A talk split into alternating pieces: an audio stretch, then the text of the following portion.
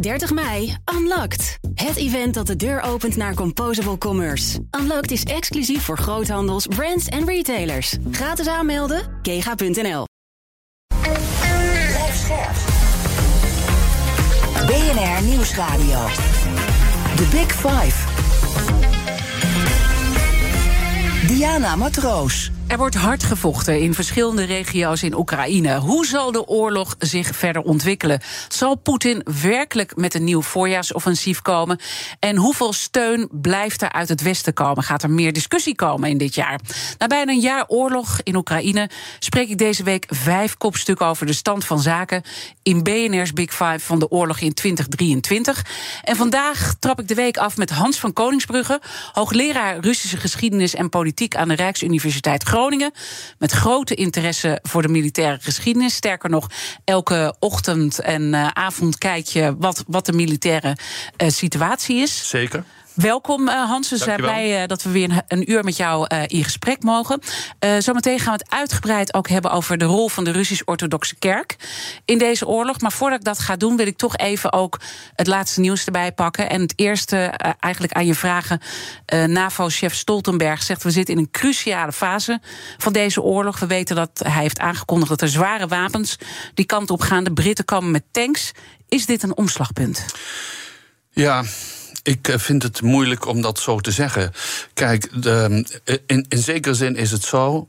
Uh, het is een Brits schaap wat over de dam springt. En daar zullen er meer van volgen. Hm? Dus, maar 14 tanks is nog niet zoveel. Oekraïne heeft eigenlijk honderden tanks nodig. Maar natuurlijk, het kan nu zo zijn dat Leopard 2 tanks vanuit Polen of vanuit Finland en via een uitruil met de Amerikanen, met de Abraham tank, uh, dat die richting Oekraïne gaan. En dan kan het een game changer zijn. In ieder geval in een offensieve zin. Maar we zijn dus wel een stapje aan het maken, maar het is niet een hele grote stap. Het is een, een wel een spannende stap, denk ik. Zeker, maar het is een proces. Uh, kijk eens naar Nederland zelf. Wij zijn begonnen met het leveren van scherfvesten in het begin van de oorlog. En nu praten we over het leveren van tanks. We hebben ze wel niet, maar via een contract met Duitsland zou dat toch kunnen. Met andere woorden, de gedachte uh, in het Westen is. Het is een soort van proces geworden, een mentale flow. Begonnen met heel defensief en het wordt steeds offensiever. En natuurlijk, de Patriot-raketten waren een duidelijk teken. We gaan van defensief naar wat offensiever. Het tweede wat ik van je wil weten, we gaan hier trouwens nog wat eh, dieper op in hoor, straks, is uh, ook een persoonlijke vraag. Je ging altijd graag naar Rusland, met name Sint-Petersburg. Als je kijkt waar we nu staan, en we zijn bijna een jaar bezig, wat houdt jou dan het meeste bezig als je denkt aan Sint-Petersburg bijvoorbeeld? Ja, we hadden veel projecten in Petersburg. Ik, ik heb nog steeds mensen die voor mij werken in Petersburg, culturele projecten. En ik heb zwaar met ze te doen. Want die mensen hebben met iemand, en met een westerse entiteit, namelijk de Rijksuniversiteit Groningen, gewerkt. En uh, Nederlanders zijn nu lid van een vijandige natie. En daar, uh, ja, als Rus word je dan op de vingers gekeken of erger opgepakt. In die, in die zin zijn er natuurlijk allemaal verliezers uh, in deze oorlog. Zeker. En dan druk ik me nog zachtjes uit. Uh, dit weekend uh, zagen we nog een raketinslag in Dnipro. Er worden al 35 doden geteld bij een zwaar getroffen appartementengebouw. Rusland blijft Oekraïne met raketten bestoken. Kan dit Oekraïne breken, denk je? Nou, dat denk ik eigenlijk niet. Want uh, het blijkt dat de zin om weerstand te bieden alleen maar toeneemt.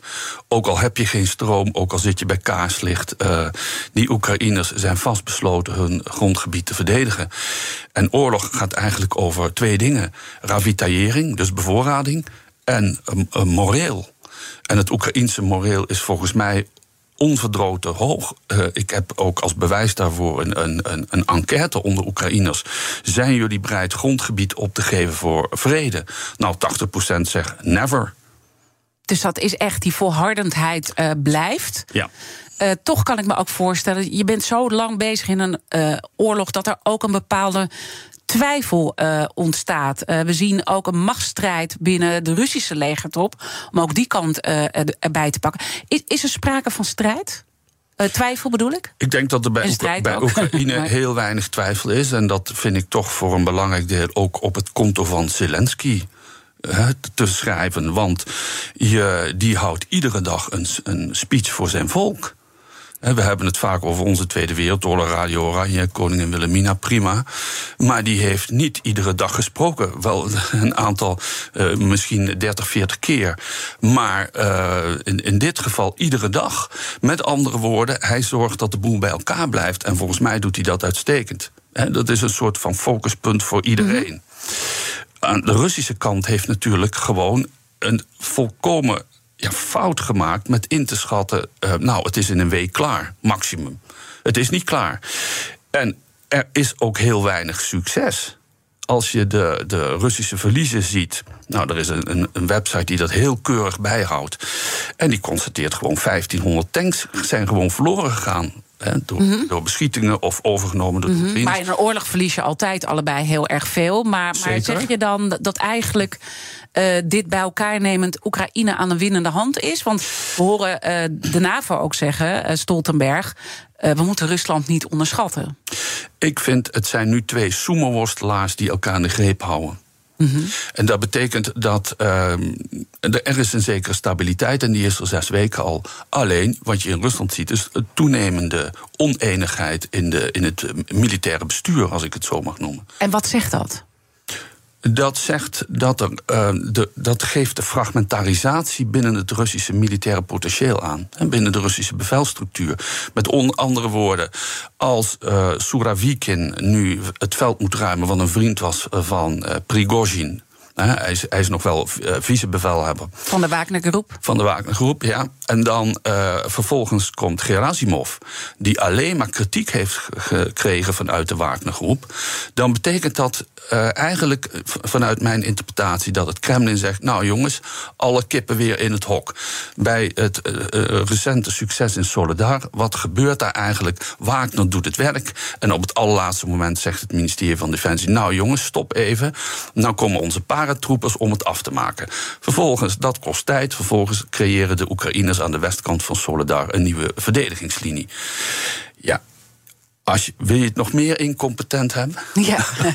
en, en, is, is, is uh, Poetin hiermee ook. Uh, uh, nou ja, eigenlijk aan het zorgen dat die politieke ambities van de leider van de Wagner-groep niet ten volle uitgenut kunnen worden? Of vind je dat een brug te ver? Want de Wagner-groep heeft het succes uiteindelijk geboekt daar. Ja, nou, ik vind dat een beetje te ver gaan in die zin dat ik denk dat op dit ogenblik, en ik herhaal op dit ogenblik, is de elite staat eigenlijk nog achter Poetin. Poetin wordt niet bediscussieerd of zijn gedrag of zijn besluit. Het gaat mhm. meer, het, het is. Uh, uh, in het Frans zeg je le roi mal informé, de slecht geïnformeerde koning. En die koning die doet het eigenlijk goed, maar zijn raadgevers die zijn waardeloos. Op een gegeven ogenblik gaat het, word je natuurlijk zelf ook daar slachtoffer van. Mm -hmm. En dan komt die kritiek op de bevelhebber zelf te liggen, op de, de ultieme bevelhebber, en dat is Poetin. The Big Five. Diana Matroos. Mijn gast is Hans van Koningsbrugge, hoogleraar Russische geschiedenis en politiek. Als je nu kijkt naar het militaire strijdtoneel, wat vind jij dan de interessante bewegingen die zich nu plaatsvinden, even los van die aankondigingen met zware wapens? Um, in feite vind ik Solidar vind ik een strategisch, uh, nou ja, eigenlijk van nauwelijks enig belang. Bakhmut, daar gaat het al drie maanden over, dus daar gebeurt eigenlijk ook niks. Ik ben eigenlijk geïnteresseerder in uh, het uh, heel langzaam verlopende tegenoffensief van de Oekraïners bij Kremina. En ik ben eigenlijk het meest geïnteresseerd in wat er nu in de lente gaat gebeuren, want Poetin heeft eigenlijk, hij heeft wel gezegd dat hij dat deed, maar eigenlijk niet de mobilisatie gestopt. Dus er wordt nog steeds komen er nieuwe recruten in het Russische leger. Het is eigenlijk zo dat men dat nog wil uitbreiden. Shoigu heeft gezegd: ik wil 350.000 man extra. Daar zijn al uniformen voor gemaakt in Vietnam en in China. Eh, de formulieren zijn ook al gedrukt, dus dat kan ieder moment afgekondigd worden. Nou, uh, ook de Oekraïners zijn bezig met het uh, verzamelen van troepen. Dus in de lente, ja, beide partijen hebben het oog op een offensief en dan wordt het interessant. En dat is misschien dan ook mooi om even de kettingvraag bij te stellen. Om ook te kijken van uh, waar we in deze oorlog uh, staan. En wat ook de verdere ontwikkeling uh, zal zijn. de topman van Corendon, Attilai Oesloe, die was vorige week bij mijn collega Art Royakkers te gast. En Attilai had deze vraag voor jou. Gaat het een keer aflopen? Want het duurt echt te lang, weet je. Ja, wanneer eindigt de oorlog? Ja, dat wil natuurlijk iedereen heel graag. Ja, maar in aanmerking genomen dat de vredesvoorwaarden van Oekraïne en van Rusland totaal uit elkaar liggen. De Russen hebben zichzelf in de voet geschoten door vier Oekraïnse regio's te annexeren en die Russisch te verklaren. Dus die kunnen ze eigenlijk niet meer prijsgeven. De Oekraïners zeggen natuurlijk: wij willen alles terug, inclusief de Krim. Nou, daar ligt ongeveer 20 kilometer tussen. Met andere woorden, er, praten heeft op dat punt geen zin. En het gaat dus alleen de orde gaat beslist worden wie de definitieve beslissende militaire overwinning haalt. En dan, als je dan toch weer even uh, Stoltenberg erbij pakt, die zegt: er komen zware wapens, er komen ook uh, later nog meer zware wapens aan. Nou ja, goed, die eerste stap van de Britten met die uh, zware tanks.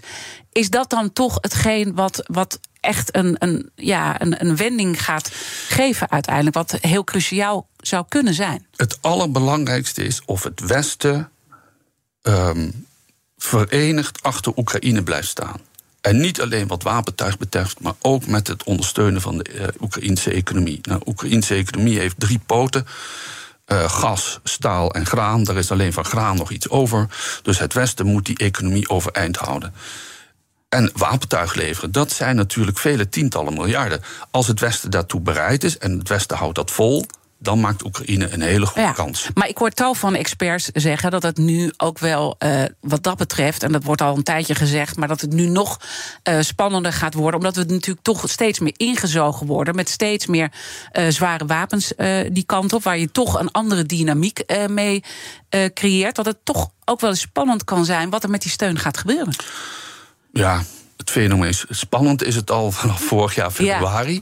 Maar, dat is misschien ook een verkeerd woord, maar denk je dat die steun gaat blijven? Of denk je dat we toch meer gaan discussiëren hierover? Nee, ik denk dat die steun gaat blijven. Ook al, kijk, het hangt natuurlijk allemaal af van Amerika. Uh, Amerika is de grote drijvende kracht. Maar dit wordt zowel door Democraten als Republikeinen gesteund. Een van de weinige dingen waar ze het over eens zijn.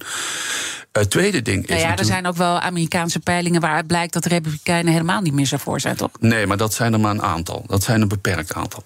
de andere kant is natuurlijk de, de grote uh, waterscheiding is of NAVO-militairen in Oekraïne gaan vechten. En dat is niet het geval.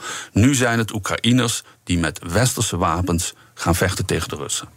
Dus je verwacht dat eigenlijk het Westen zal blijven eh, steunen uh, in dit conflict, omdat wat, wat staat er op het spel voor ons? Nou ja, het is heel duidelijk. Als dit, conflict, dit, dit is een zaak van pure agressie geweest.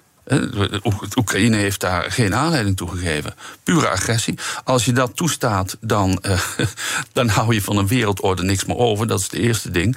En het tweede is natuurlijk. Dat, ja, uh, uh, aan de andere kant, als je dit niet stopt, is het over vijf jaar met Rusland weer hetzelfde. En dus zullen we uh, doorpakken, is jouw verwachting? Zeker. Uh, de vraag is ook, want je zei al het gaat over geld, maar dat is natuurlijk aan Russische zijde ook zo. hoe lang gaat Rusland dit vanuit financieel opzicht volhouden? Ook vanuit het gegeven dat wij met sancties natuurlijk Rusland proberen te treffen. Maar ik heb het idee dat dat best moeilijk is om dat echt voor elkaar te krijgen. Sancties duren lang, maar ik, wat dat betreft zijn er recente cijfers uit. Eigenlijk heb ik die gisteren gehoord. Dat, dat gaat erover dat de Russische um, olieproductie met meer dan 20% gezakt is afgelopen jaar. Dat de Russische olie verkocht wordt voor 50 dollar aan China en Japan. Of uh, China en India, sorry, China en India.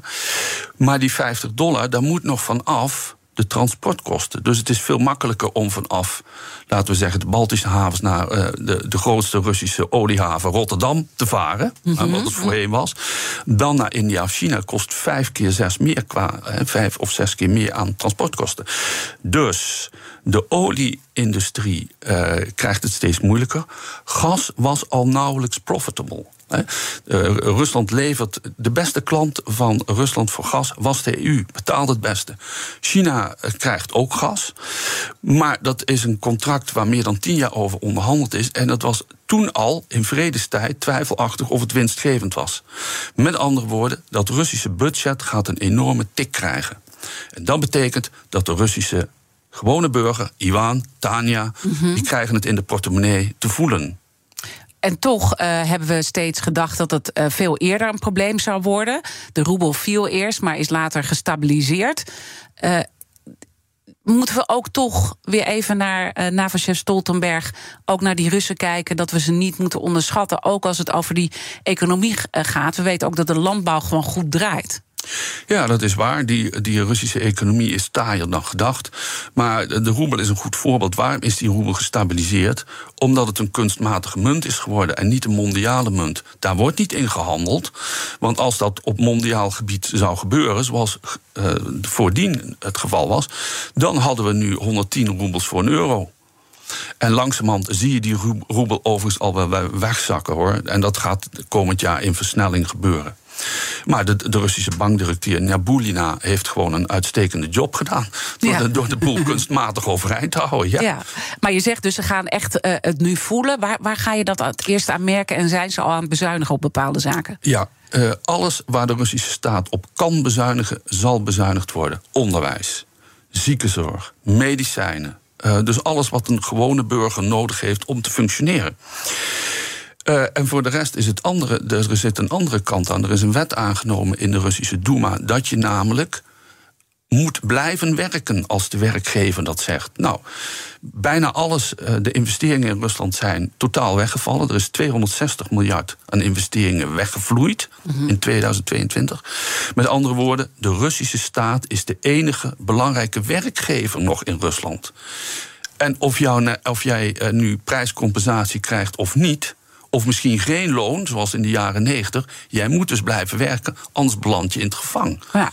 Met andere woorden, die, die economie, dat wordt een oorlogseconomie. En de grote vraag is: kan dat Poetin wat schelen dan? Want ik bedoel, je zegt ja, het volk gaat het voelen, maar uh, dat maakt hem waarschijnlijk niet zoveel uit. Uh, ik kan niet in het hoofd van Poetin kijken, wat dat betreft. ik kan veel als historicus, nee. maar dat niet. Maar ik kan wel zeggen dat een zekere mate van ongevoeligheid hem wel kenmerkt, ja. Ja. Dus, dus, dus, als je dan nu kijkt uh, uh, naar zijn uh, um, strategie, en we kunnen allemaal niet in zijn hoofd kijken, je moet het doen met de analyses en jij verdiept je daar dagelijks in. Hoe zal hij nu proberen in dit hele schaakspel de volgende zet te doen? Rusland kan maar één ding doen, nu, militair gesproken. En eigenlijk ook economisch gesproken. Door middel van aantallen proberen die oorlog te winnen de traditionele Russische strategie van 1812 en van de Tweede Wereldoorlog. Precies hetzelfde. Op technologisch gebied zullen ze het niet winnen. Op economisch gebied, nou, dat wordt steeds moeilijker. Dus je kan het alleen met aantallen doen. Nou, dat betekent gewoon dat het langer gaat duren en veel meer slachtoffers gaat kosten. En dat is natuurlijk, uh, ja eh, we, bedoel, we praten elke keer over die oorlog en het went nooit. Hè, maar je praat er soms nou ja, niet makkelijk over. Ik zit een beetje naar de, naar de goede woorden te zoeken. Maar als je die gruwelijke beelden ziet en beseft dat mensen nu in een kou zitten. Um, en elektri elektriciteit die overal is uitgevallen. Dat gruwelijke beeld wordt dus verder voortgezet. Ja, en ik denk dat dat ook te maken heeft met ons eigen uh, althans, ik praat nu even over het Westen, maar misschien ook over Oekraïne. Wij zijn oorlog niet meer gewend in Europa. En nu plotseling blijkt het toch te kunnen. Dat we dachten dat kan niet meer. Mm -hmm. Maar na 70 jaar vrede kan het dus wel. Wat doet dat met jou? Ja, uh, ik ben daar zelf, hoe moet ik het zeggen, toch ook wel. Ja, je wereldbeeld kantelt gewoon. Ja. Niemand had dit gedacht op deze schaal en, en op zo'n manier. En maak je je dan ook zorgen over ons als het Westen? Of denk je niet dat het zo ver gaat komen dat het toch een keertje ook uh, onze kant op keert? Kijk, um, dat kan altijd. Uh, oorlog is uh, makkelijk begonnen, maar moeilijk te eindigen. En er zitten altijd on, ja, aspecten in waarvan je denkt, nou, dat had ik nooit gedacht. In mijn inschatting is dat niet mogelijk. Hè, dat, het Westen, ja, dat, dat er een confrontatie Westen-Rusland komt. Ik hoop het. Ja, dat niemand wil dit. Nee. En, en, waarom denk je dat? Hè? Want ik bedoel, ik, ik, ik merk dat. Uh, um, iedereen steeds zegt dat dat uh, gebeurt niet. Maar toch, we worden steeds meer in, dit, uh, in deze oorlog getrokken. Um, omdat, omdat we proberen. Uh, ja, tot, tot een bepaald keerpunt uh, te komen. En we gaan steeds een stap verder. Waarom zou dit niet tegen ons kunnen keren? Ja, maar de, de, grote stap is dus uh, de inzet van NAVO-militairen in Oekraïne zelf Dat vind ik echt een stap.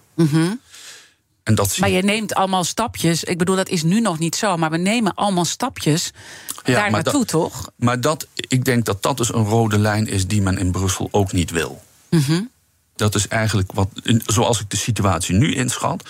Kijk, ik kan niet over drie maanden kijken of over zes maanden. Maar zoals het nu inschat, wil men dat in Brussel niet.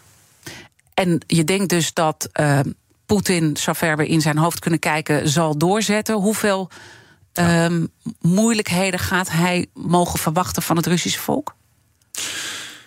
Ik denk dat het Russische volk buitengewoon. eh, men ontkent het. Dat was de eerste fase, ontkenning.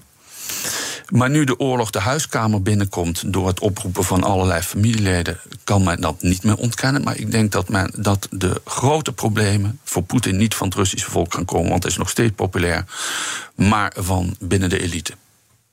En dat is denk ik een heel mooi topic om zo meteen over verder te praten. Mijn gast is Hans van Koningsbrugge, hoogleraar Russische geschiedenis en politiek. En dan praten we ook verder over de geopolitieke implicaties van de oorlog in Oekraïne, de elite en het belang van de Russisch-Orthodoxe Kerk in dit conflict. Blijf luisteren. 30 mei, Unlocked. Het event dat de deur opent naar Composable Commerce. Unlocked is exclusief voor groothandels, brands en retailers. Gratis aanmelden, kega.nl. Op 6 juni mogen we naar de stembus voor de Europese verkiezingen. Hete hangijzers genoeg natuurlijk. Oorlog, klimaat, energie, concurrentie. Ondernemers willen vooral dat er nu eens wat harde knopen worden doorgehakt. En die regeldruk, die moet omlaag. Op 23 mei om 7 uur 's avonds op BNR gaan verschillende partijen met elkaar en ondernemers de ring in. Tijdens het BNR Ondernemersdebat. Het ondernemersdebat wordt mede mogelijk gemaakt door VNO-NCW en MKB Nederland. BNR Nieuwsradio. The Big Five.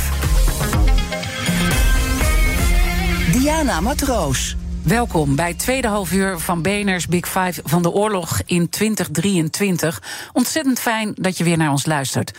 Morgen dan is mijn gast Victoria Koblenko. We kennen haar natuurlijk als actrice, presentatrice, maar ook als politicoloog en eh, van Oekraïense komaf natuurlijk. Eh, zij ziet de oorlog vooral als culturele strijd. Mijn gast vandaag is Hans van Koningsbrugge, hoogleraar Russische geschiedenis en politiek met een bijzondere interesse voor de militaire geschiedenis. Komend half uur wil ik in ieder geval nog twee onderwerpen met je bespreken. Welke invloed de oorlog op de geopolitieke verhoudingen heeft wereldwijd en het draagvlak in Rusland. En laten we met dat laatste beginnen, want daar waren we eigenlijk eh, gebleven. Jij zei eh, eigenlijk de crux ligt bij de elite. Ja, de crux ligt bij de elite, omdat ik denk dat eh, Poetin onder de bevolking nog veel aanhang heeft. De elite is sinds 2015 gemoderniseerd, of liever gezegd. Door Poetin eigenlijk zijn een aantal lieden naar huis gestuurd. Er waren vooral oude vrienden die nog commentaar konden leveren. En daarna was het gewoon degene die eh, aangesteld werden of die bleven zitten. Loyaal zijn, dus doen wat de baas zegt. Die elite bestaat, bestond eigenlijk uit twee eh, componenten. De eh, civiki, dus de mensen die geen militaire achtergrond hadden. En de siloviki, degenen die dat wel hadden. En die uit de veiligheidsdiensten kwamen en uit de, het ministerie van Defensie. De laatste groep is nu totaal dominant. En die laatste groep, die zag je heel goed bij die beruchte, eh, dat beruchte gesprek van Poetin in februari 2022. Dat ze allemaal in het Kremlin zaten en dat hij eigenlijk iedereen medeplichtig maakte aan wat hij ging doen. Nu, eh, die elite en vooral de veiligheidsdiensten, die zullen hem volgen zolang het nog wat oplevert. Dat wil zeggen, eh, natuurlijk zijn ze bang. Natuurlijk zijn ze voor hun leven bang. Eh, er valt wel eens iemand uit een raam, of er verdrinkt iemand, of er valt iemand van een trap. Ja. Dat zijn er langzamerhand ook behoorlijk wat geworden. Dus er is er angst. Er is angst. Het andere is niet alleen angst voor je leven, maar ook angst voor het verliezen van al je bezit. Dat is in Rusland een pennenstreek. Dus die elite is nog in de greep van, laten we zeggen, de angst, om wat voor reden ook. Maar als men gaat zien dat die, die oorlog niet te winnen is en dat men dus ook niks meer te winnen heeft, want men is immers verantwoordelijk voor het geheel, dan kan het tij keren. En die verantwoordelijkheid die ze hebben, wa- wa- waarom voelen ze dat zo? Dat ze dan toch denken: als het niet te winnen is, dan, dan gaan we ons verzetten? Kijk, ehm, de, er is natuurlijk alom wordt er gedacht. Als Rusland die oorlog verliemt. verliest, krijg je een regime change. Ja, dan als, als dat het geval is, als, als dat dreigt, dan kan je wel denken van, nou oké, er gaat nu iets dramatisch veranderen, ik doe mee. En uh, ik wacht niet op die verandering, maar ik neem zelf actie. En dan krijg je een soort van lawine. Hm? Dat is in de Russische geschiedenis verschillende keren gebeurd, dus dat kan, dat kan gebeuren. En uh, naar wie zullen ze dan toetrekken, denk je? Uiteraard is Poetin dan het eerste slachtoffer. Ja, ja. ja maar uh, naar wie gaan ze toetrekken? Ja, dat is een hele goede vraag. Dat hoeft niet per se iemand te zijn, en dat is zelfs onwaarschijnlijk, die uh, in westerse smaak zal vallen.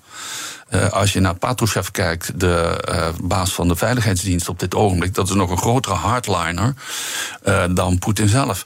Medvedev, de voormalige president van 2008 tot 2012, die in zijn tijd als liberaal gold, die slaat nu de meest nationalistische taal uit.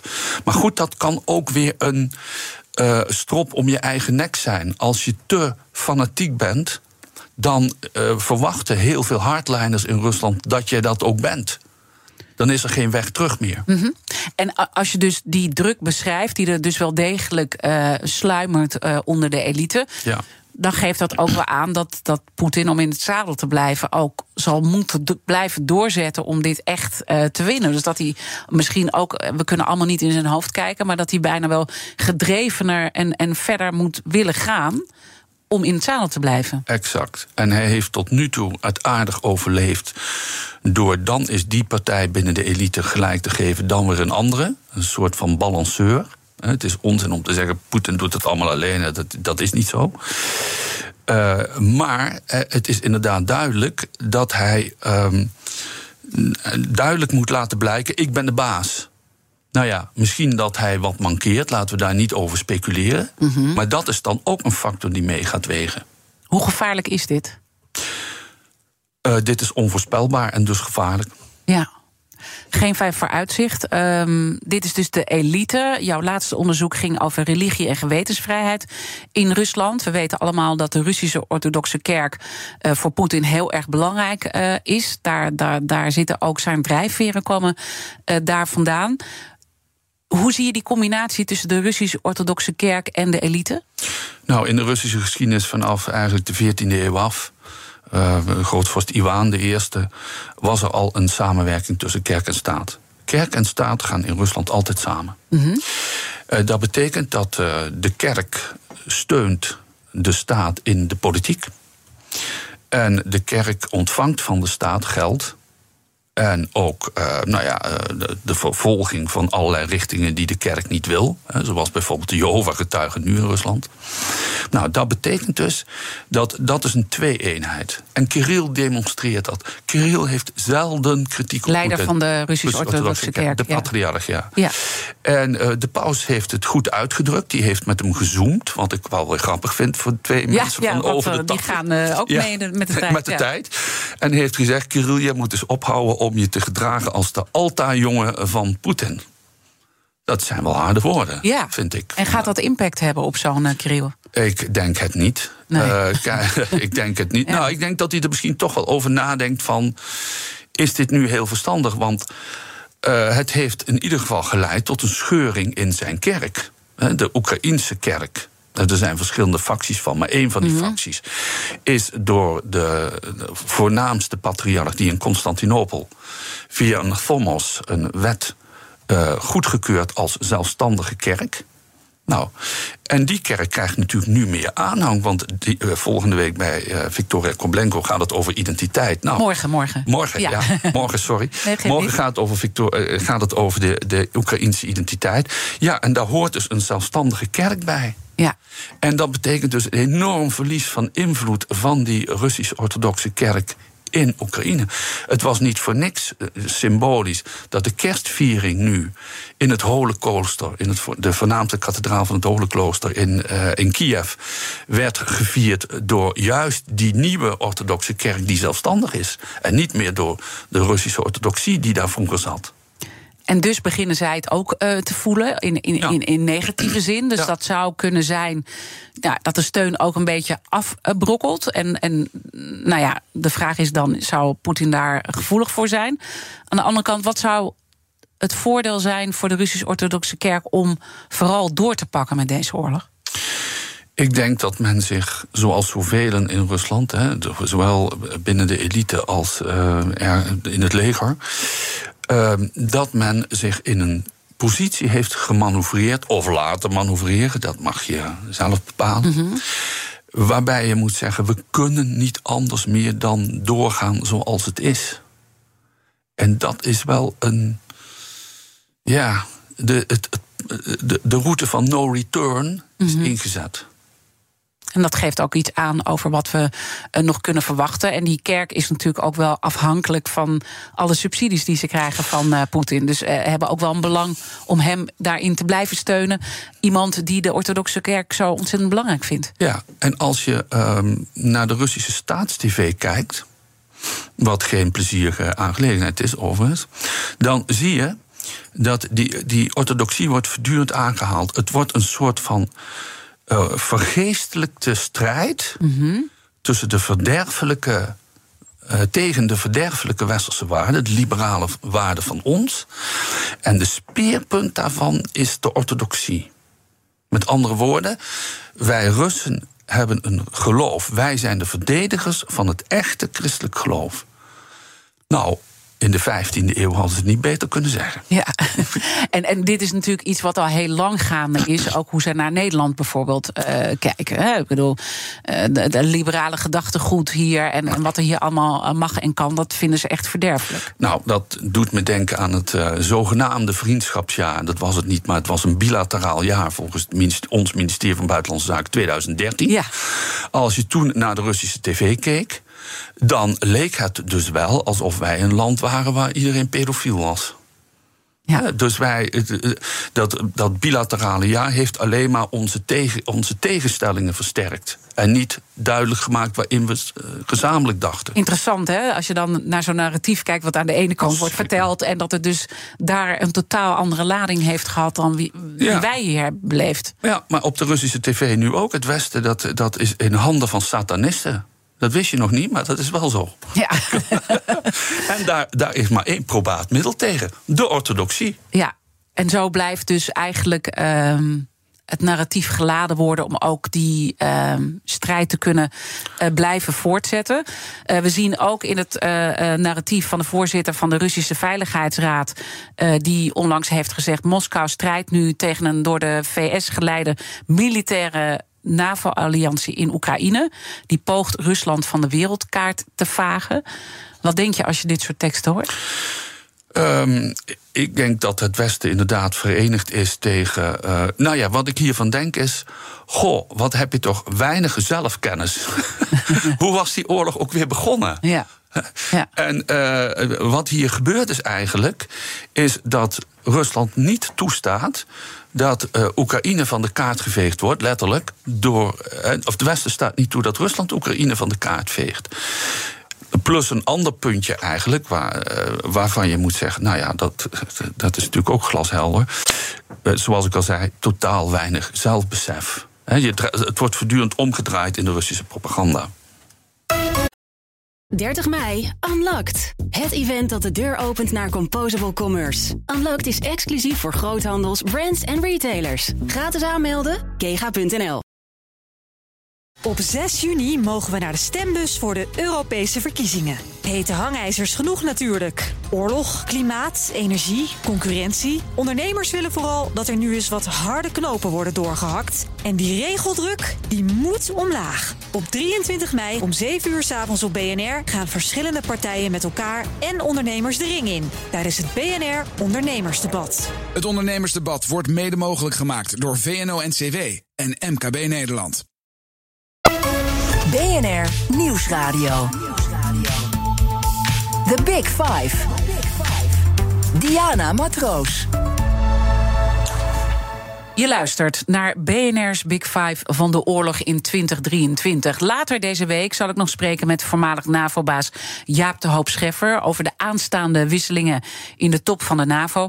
Mijn gast vandaag is Hans van Koningsbrugge, hoogleraar Russische geschiedenis en politiek. Uh, je hebt eerder deze uitzending een kettingvraag beantwoord, maar die vraag gaat natuurlijk door. Ik zou al eerder deze uitzending morgen Victoria Koblenko te gast. Ze is natuurlijk van Oekraïnse kom af.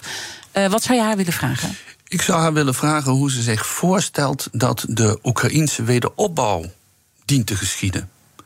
En wat moet het rol van het Westen daarin zijn en de eigen Oekraïnse rol? Mooie vraag. Uh, wat zou jij zelf zeggen, wat de rol van het Westen uh, daarin zou moeten zijn? Ik denk dat het Westen gewoon um, heel pragmatisch moet zijn. Er zijn Russische tegoeden bevroren van meer dan 200 miljard. Dat lijkt me een aardige start. En Oekraïne heeft natuurlijk een grote taak als het over de wederopbouw gaat en bij het Westen wil horen over rechtsbescherming, anticorruptie enzovoort. Dat is, een hele dat is heel moeilijk. En daar ligt wel een, nou ja, een veld wat nog de nodige aandacht verdient. Maar het ligt natuurlijk nog heel ver weg, uh, dit Zeker. moment. Want dat hebben Zeker. we intussen nog uh, wel deze uitzending van jou meegekregen. Voorlopig zitten we nog in dit speelveld. Laten we besluiten met het geopolitieke strijdtoneel wereldwijd. Um, ik hoor jou steeds zeggen, er is, er is heel veel uh, steun uh, vanuit het Westen.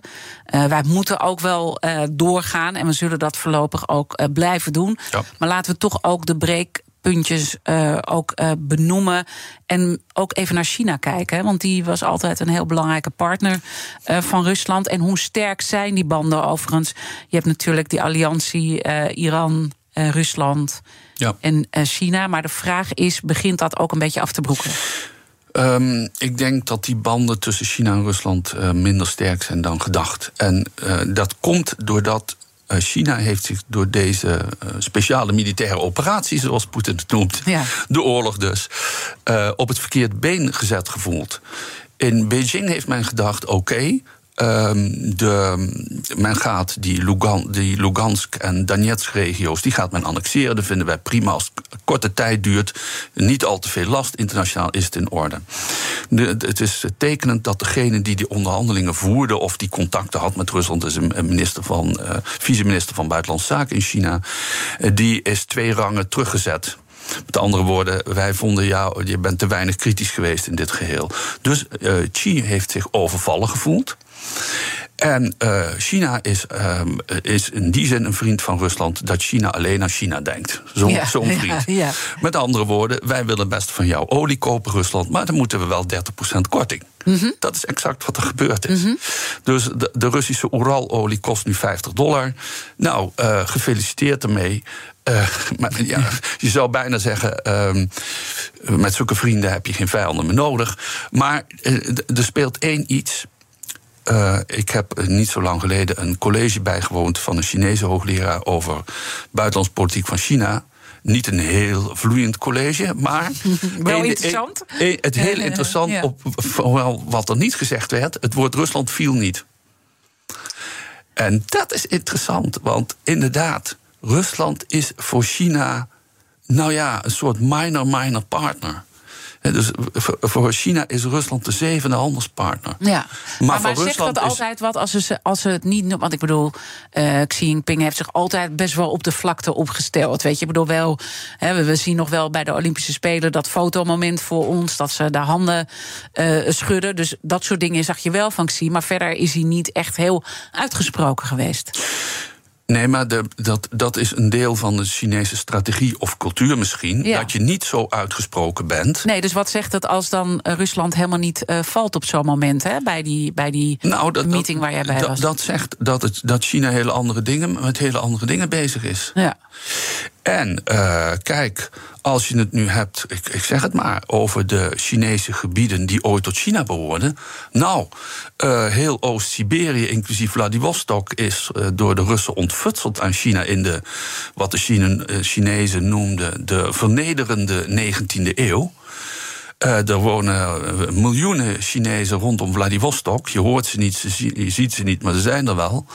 Met andere woorden, China en Rusland uh, die hebben ook belangen die niet bepaald overeenkomen. Nee. En ze hebben natuurlijk wel een belang om onrust te stoken in, uh, in het Westen. Hè? Ja. Ik bedoel, die belangen hebben ze natuurlijk wel. In de ja. strijd ook met, met Amerika. Maar, maar je denkt dus dat uh, Xi Jinping eigenlijk had gedacht: dit gaat niet zo heel lang uh, duren. En eigenlijk zich overvallen voelt door deze hele lange oorlog? Nou ja, dat was ook het rapport wat uh, Poetin heeft gekregen van zijn veiligheidsdienst. Het gaat niet zo lang duren, we maken je niet druk, het komt allemaal in orde. Mm -hmm. Even wat verontwaardiging, klaar.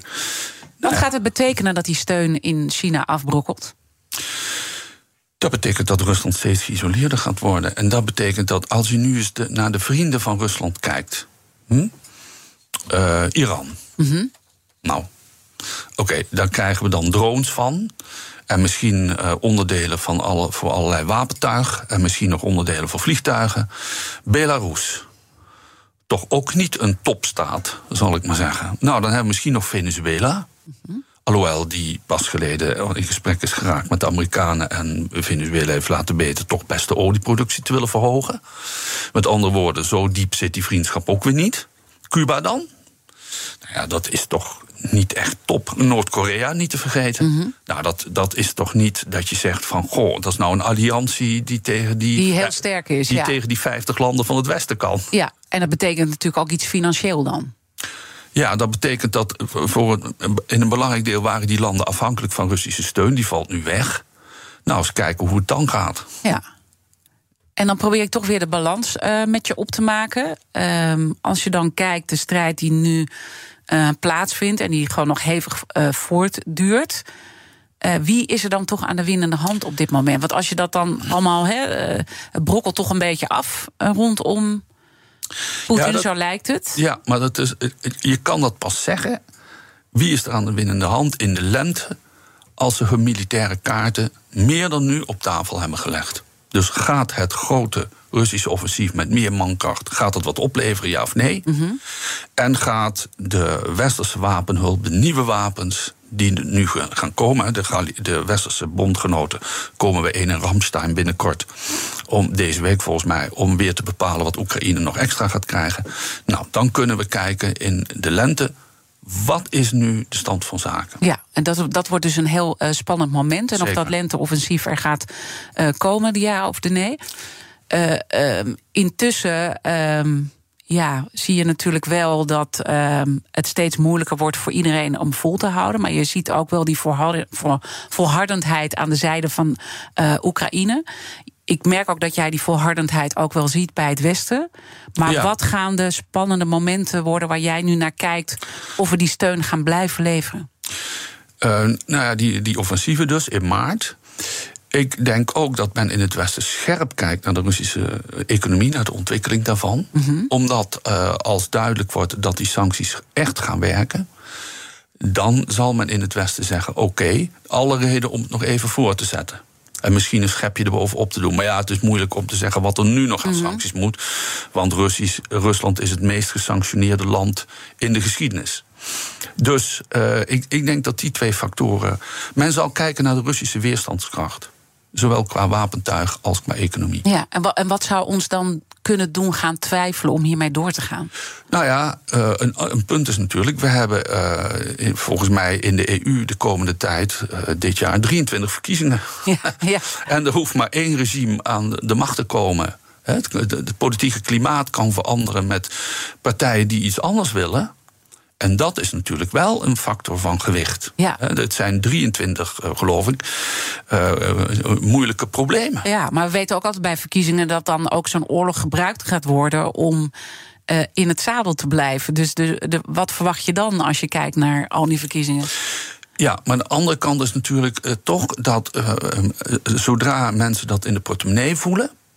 En dat doen we. En dat doen, ja, Flink. dat, ja, dat het dan toch mensen zijn die zeggen... nou, dan vind ik die steun van, uh, Oek aan Oekraïne minder belangrijk dan mijn portemonnee. Mm -hmm. En dat is ook een factor om mee te wegen. Ja, het is, het is, het is echt uh, heel moeilijk te voorspellen hè, welke kant het op gaat. En dat moet je ook nooit doen. Je moet ook nooit in een glazen bol proberen te kijken. Journalisten en historici hebben weinig vooruitziende gaven. Ja, want het blijkt toch altijd uh, iets anders. Het loopt altijd weer anders. Ja. Um, wat ga je nu als eerste volgen? Want je bent er altijd mee bezig. Ik ga uh, op de terugreis naar, uh, naar Groningen ga ik uh, kijken wat op YouTube nu weer gefabriceerd is van aan allerlei moois. Ja, want YouTube naar aanleiding van? Nou, die, daar staan ook af en toe politieke rapporten op. Mm -hmm. En nou, dat, dat vind ik ook wel interessant. Ja. En je dus- vertrouwt YouTube? nou ja, kijk, ik, ik heb ongeveer 10 à 15 verschillende dingen die ik volg. Ja.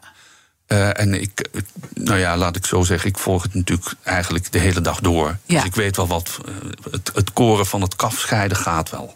Lukt gelukkig, wel. gelukkig, want dat, daar zijn we niet aan toegekomen. Maar die informatieoorlog is natuurlijk ook uh, volop gaande aan zeker, alle kanten. Zeker. En dat mogen we zeker niet onderschatten.